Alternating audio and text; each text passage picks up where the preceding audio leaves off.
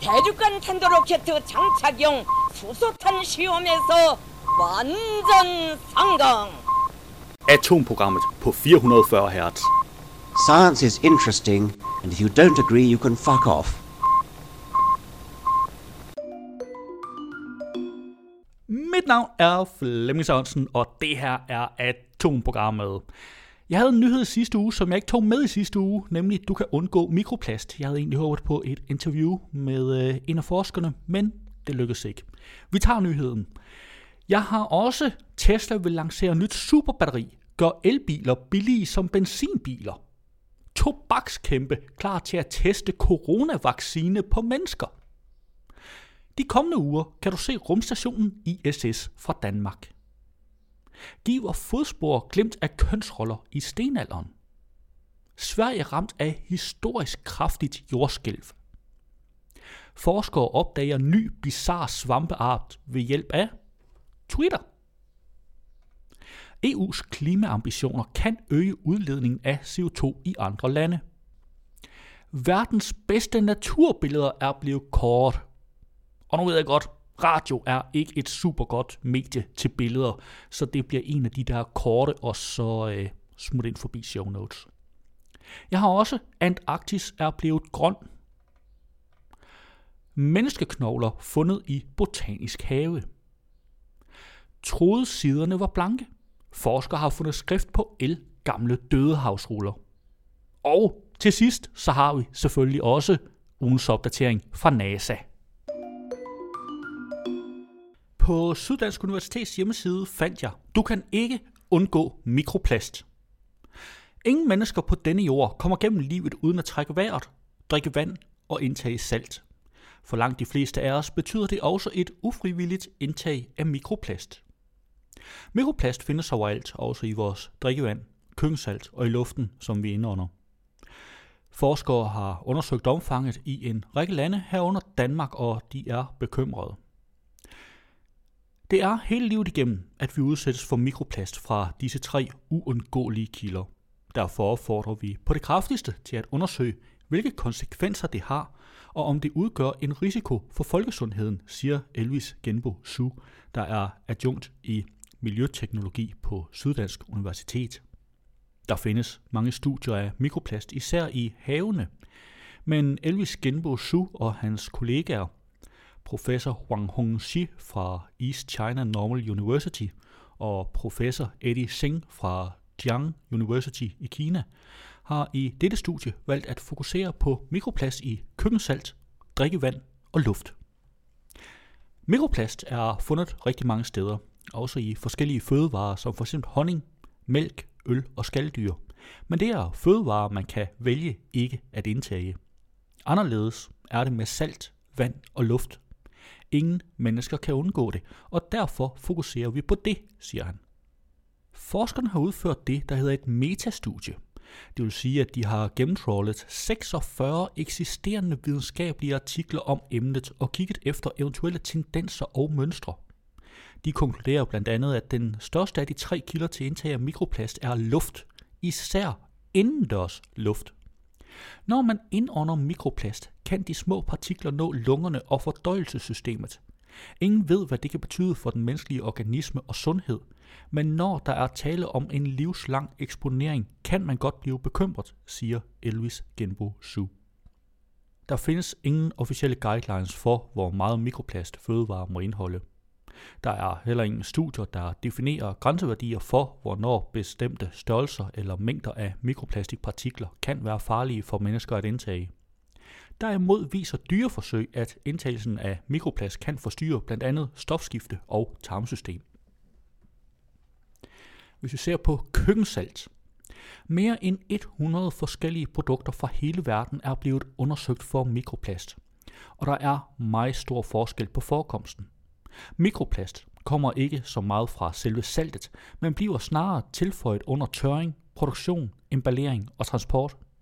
Vores råd er, at forbrugerne er opmærksomme på den måde, som fødevarer produceres og bearbejdes på, for det er nok ikke kun i produktionen og emballeringen af køkkensaltet, at der slipper mikroplast ind i det færdige produkt, som kommer ud på supermarkeders hylder, siger Elvis Genbosu. Der er fundet høje koncentrationer i køkkensalt fra Kroatien, Indonesien, Italien, USA og Kina. Omvendt er koncentrationerne lave i Australien, Frankrig, Iran, Japan, Malaysia, New Zealand, Portugal og Afrika. Der foreligger ingen tal for Danmark. Og hvis vi ser på drikkevand, Forekomsten af mikroplast er størst, når vandet kommer i genbrugte plastikflasker. Mikroplasten kan komme fra et eller flere led i vandforsyningskæden eller fra selve plastflasken eller den skruelåg. Forskerne blev overrasket over at finde mikroplast i vand, der blev solgt i glasflasker. En mulig kilde er flaskens plastiklåg, der kan afgive mikroplastpartikler, når det skrues af og på glasflasken. Vi mener, at emballering og pakning udgør en væsentlig kilde til mikroplast i drikkevand på flaske, siger Elvis Genbo der findes også mikroplast i postevand, som blandt andet danskerne drikker meget af. Det kommer for eksempel fra forurenede drikkevandskilder som søer, grundvand og floder, men kan også stamme fra de anlæg, som vandet skal igennem, inden det kommer ud af vandhanen. Der er meget stor forskel på, hvor og hvor meget mikroplast der er fundet i forskellige lande. I Danmark er omfanget lavt. En del af det plastik, der er registreret i postvand i forskellige lande, er ret store stykker, helt op til 5 mm. Så store stykker kan man fange med en vandrenser, der er udstyret med membranfilter. Man kan også holde sig fra vand på flaske, hvis man vil nedsætte risikoen, siger Elvis Genbo Su. Og hvis vi ser på luft, kilderne er især syntetiske tekstiler, gummidæk og vejstøv. Men også andre kilder spreder mikroplast i luft, for eksempel møbler, byggematerialer, afbrænding af affald, lossepladser og industrielt affald. Vind og vejr har stor indflydelse på, hvor luftens mikroplast befinder sig, men der er en tendens til, at indholdet er højere i vådt vejr end i tørvejr. Luften kan aflevere partikler i form af støv, som især små børn kommer til at indtage, når de putter ting i munden. Jeg er mere bekymret for indendørs luft end udendørs. Indendør er der partikler fra forskellige plastikprodukter i hjemmet. Man kan ikke helt undgå dem, men det er muligt at minimere dem. Man kan for eksempel lufte godt ud og lade være med at købe syntetiske stoffer, plastiklegetøj, møbler og bøtter af plastik, siger Elvis Genbo Su. Du kan naturligvis finde et link til hele artiklen i show notes. På Berlingske fandt jeg tobakskæmpe klar til at teste coronavaccine på mennesker. Der kan være en coronavaccine på vej fra en uventet kant. Den internationale tobakskæmpe British American Tobacco, kaldet BAT, har siden april arbejdet på at udvikle en vaccine mod covid-19, og nu er virksomheden klar til at teste vaccinen på mennesker. De første prækliniske forsøg har allerede givet et positivt resultat, og hvis de amerikanske sundhedsmyndigheder, The Food and Drug Administration, giver grønt lys, vil de første fase 1-test på mennesker starte i juni, skriver BAT i en pressemeddelelse. British American Tobacco står blandt andet bag cigaretmærker som Camel, Pall Mall og Lucky Strikes. Siden coronakrisen tog fart først på året, har medicinalvirksomheder over hele verden haft travlt med at forske i en vaccine mod virusen. Eksperter har tidligere under pandemien vurderet, at en vaccine vil tage mellem 12 og 18 måneder at udvikle – men fordi British American Tobacco vaccine er baseret på et protein fra tobaksplanter, regner virksomheden med, at den kan have en vaccine klar allerede inden for et par måneder. Tobaksplanter er karakteriseret ved, at de gror særdeles hurtigt, og dermed er de stoffer, som man skal bruge i en vaccine, hurtigere klar til brug end ved de konventionelle fremgangsmåder. BAT anslår selv, at det reducerer den nødvendige tid fra flere måneder til 6 uger. Det er virksomhedens amerikanske datterselskab Kentucky Bioprocessing, der står bag forsøg med en tobaksbaseret vaccine. Kentucky Bioprocessing gjorde så bemærket, da de i 2014 var blandt de få virksomheder, der udviklede en brugbar kur mod Ebola. Og du kan naturligvis finde et link til artiklen i show notes. På videnskab.dk fandt jeg, Forskere opdager ny bizarre svampeart ved hjælp af Twitter. Dyrevideoer er noget af det mest populære på sociale medier.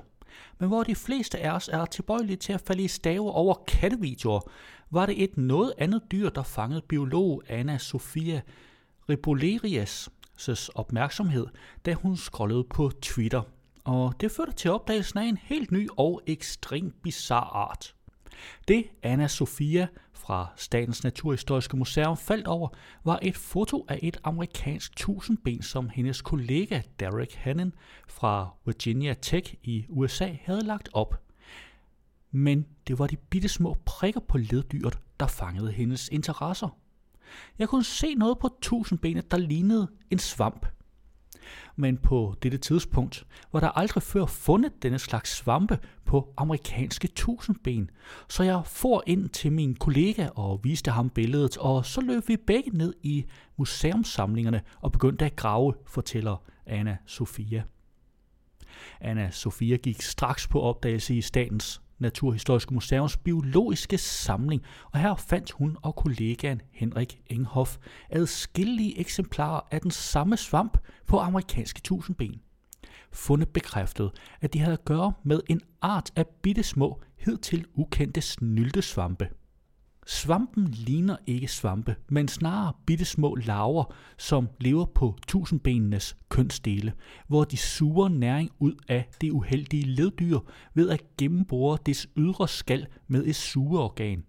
Der er omkring 30 kendte arter af den gruppe af svampe, som snylter på tusindben, og størstedelen blev opdaget efter 2014.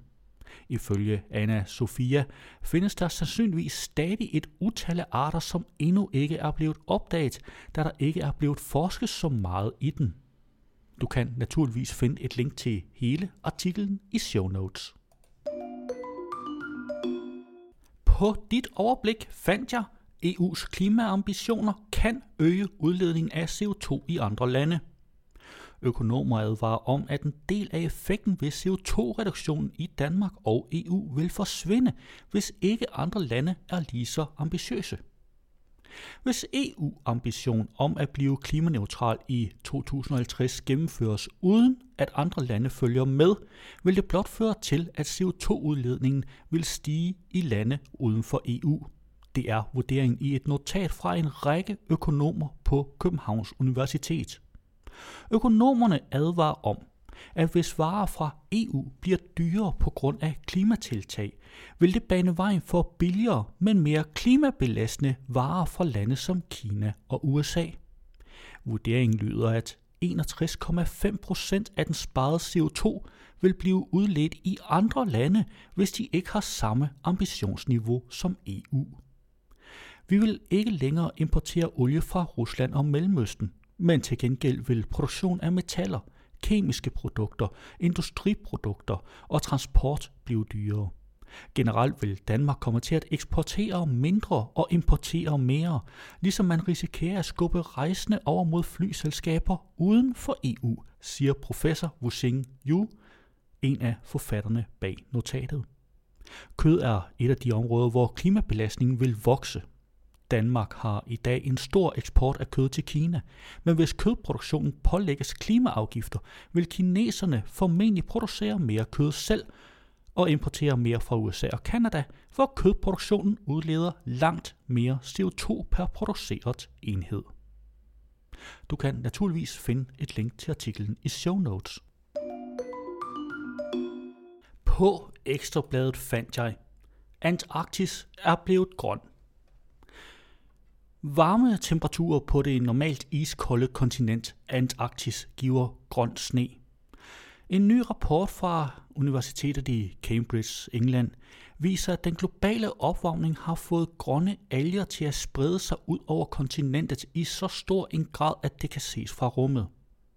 Algernes eksistens på Antarktis har længe været kendt, men omfanget af dem er først blevet dokumenteret nu – ved hjælp af satellitbilleder fra satellitten Sentinel-2 fra den europæiske rumfartsorganisation ESA og observationer på land over to år, har forskerne lavet et kort over algernes udbredelse. Nu har vi et udgangspunkt for, hvor algerne blomstrer, og vi kan se, om opblomstringen vil tage til i fremtiden, som vores beregninger viser, siger Matt Davy, der er en af forskerne bag rapporten. Mos og lav er de dominerende fotosyntetiske organismer på Antarktis, men den nye forskning fandt 1679 separate opblomstringer af alger, hvilket er en afgørende del af kontinentets kunden i at optage CO2 i atmosfæren. Det er dog langt fra nok til at gøre en forskel på den store mængde af CO2, der bliver udledt i atmosfæren, siger Matt Davy. Algerne optager en mængde CO2, der svarer til hvad 875.000 benzinbiler i Storbritannien udleder i gennemsnit på et år. Det lyder meget, men det er ubetydeligt, når man kigger på den globale udledning af kulstof, siger Matt Davy. Udover grønne alger findes der også røde og orange alger på Antarktis, siger forskerne, der vil forsøge at kortlægge dem. De er dog svære at se fra rummet, hvilket besværliggør processen. Og du kan naturligvis finde et link i show notes. På videnskab.dk fandt jeg, troede siderne var blanke. Forskere har fundet skrift på el gamle dødehavsruller. Der er ingen bedre følelse end at opdage noget, man ikke vidste, man havde. Som 100 kroner rullet sammen i lommen. Eller lad os sige en gammel dødehavsrulle, der gemmer på en elgammel tekst, man ikke vidste eksisterede. Og netop den følelse har en række arkeologer formentlig siddet med, da de opdagede, at fragmenter af en elgammel dødehavsrulle gemte på en skjult skat. Smithsonian Mag skriver nemlig, at nærbilleder af gamle dødehavsruller afslører små fragmenter af skrift på hebraisk og aramæisk, der ikke kan spottes med det blotte øje. Ifølge mediet kan fragmenterne dateres 2000 år tilbage og menes at være gemt af en jødisk sekt i en hule ved Qumran. Der er et arkeologisk område beliggende ved den nordvestlige ende af det døde hav. Derudover anslås det, at dødehavsrullerne indeholder nogle af de ældste fragmenter fra den hebraiske bibel. Rullerne var en del af flere arkeologiske artefakter, der i 1950'erne blev doneret til britiske forskere, men det var på daværende tidspunkt svært at fastslå, hvorvidt de kunne siges at være ægte. En nyfundet nysgerrighed for de mange artefakter og papirer doneret fra omkring 1950'erne og 1960'erne fik imidlertid et forskerhold til at mistænke flere af tingene for ikke at være blevet undersøgt grundigt nok eller mistet undervejs, skriver Smithsonian Mag. Og det kan jo Pote forklare Dennis Missy, der er seniorlektor i hebraisk og jødedom. I en fælles pressemeddelelse har forskerne forklaret, at det nye fund kan minde om et puslespil. Der er kun meget få fragmenter af skrift på hvert fragment, men de er som manglende stykker af et puslespil, som du finder under en sofa, lyder det i den fælles opdatering ifølge Smithsonian Mag. Og til trods for, at forskerne først nu har fundet den hebraiske skrift, så ved man overraskende meget om rullernes oprindelse – de blev nemlig udgravet i hule 4 ved Qumran, hvor størstedelen af dødehavsrullerne blev fundet sammen med tusinder af fragmenter fra omkring 500 tekster. Og du kan naturligvis finde et link i show notes. Ja, og havde du så hørt radioudgaven i stedet for podcasten, så ville der her have været This Wicked NASA. Men vi har kun tilladelse til at sende den i radioen, ikke i podcasten. Du kan dog finde et link til den i show notes. Lad os se på nogle af de nyheder, der ikke blev plads til i dag. På Ekstrabladet fandt jeg, Tesla vil lancere nyt superbatteri, gør elbiler billige som benzinbiler.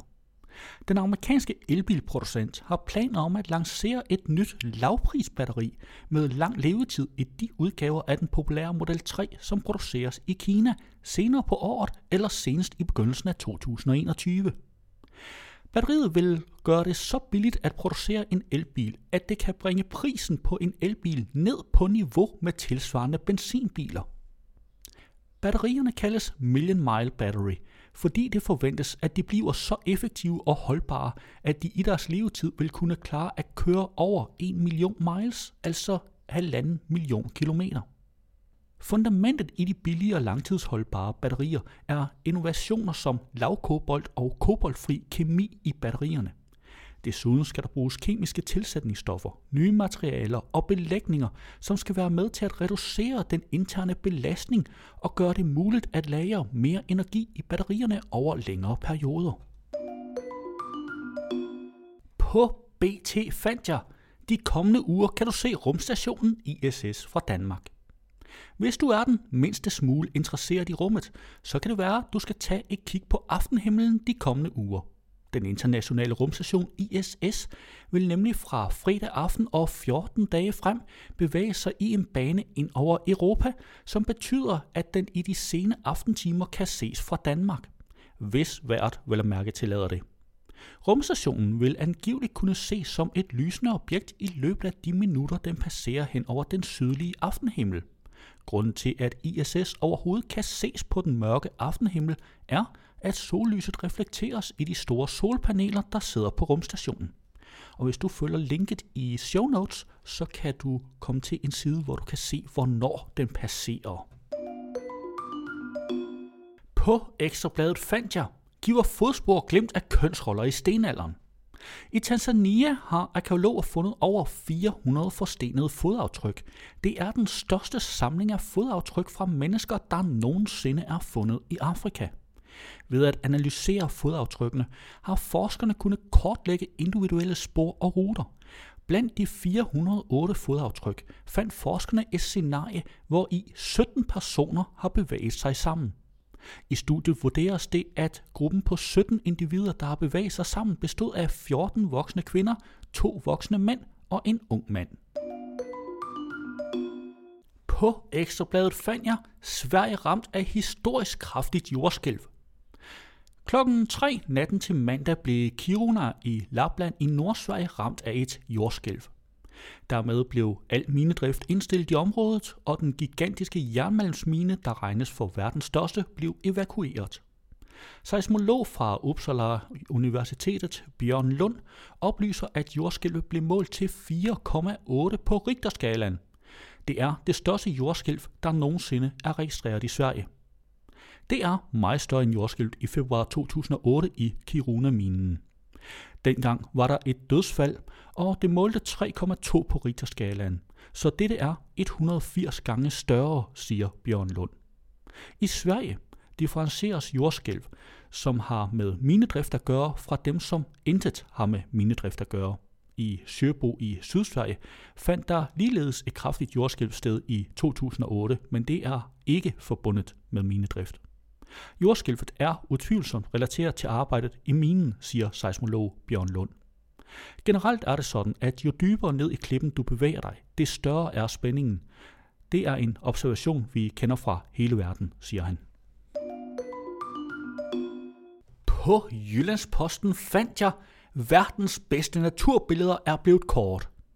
I konkurrencen Big Picture Natural World bad California Academy of Science fotografer fra hele verden om at indsende fotos af dyre- og planteliv og af de trusler, som naturen er oppe imod.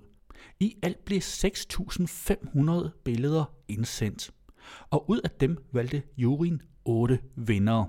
Nu er radio jo stadig ikke noget særligt godt medie til billeder, men hvis du klikker på linket i show notes, så kan du se alle 8 vinderbilleder. På Jyllandsposten fandt jeg menneskeknogler fundet i Botanisk Have. På en byggeplads i det indre København har arkeologer fundet menneskeknogler, som man mener stammer fra 12 forskellige personer. Fundet er gjort i forbindelse med byggeriet af Statens Naturhistoriske Museum, som finder sted i Botanisk Have. Vi har ikke fundet noget samlet menneske. Knoglerne er lagt i en bunke. De stammer fra mænd og kvinder i forskellige aldre, siger Sivrede Frances Schmidt, der er udgravningsleder. Mindst en af knoglerne er afsavet, og på flere af knoglerne er der fundet mærker eller hakker. Sigrid Schmidt afviser, at knoglerne skulle stamme fra en forbrydelse, der har fundet sted i nyere tid. Arkeologerne er stadig undervejs med undersøgelserne, men man arbejder blandt andet med en teori om, at knoglerne kan være restmateriale fra et af byens tidligere hospitaler. Det Kongelige Kirurgiske Akademi, som eksisterede fra slutningen af 1700-tallet til midten af 1800-tallet. Links til alle artiklerne kan du selvfølgelig finde i show notes. Det var jo, hvad jeg havde for i dag. Vi løs ved næste uge, samme tid, her på kanalen.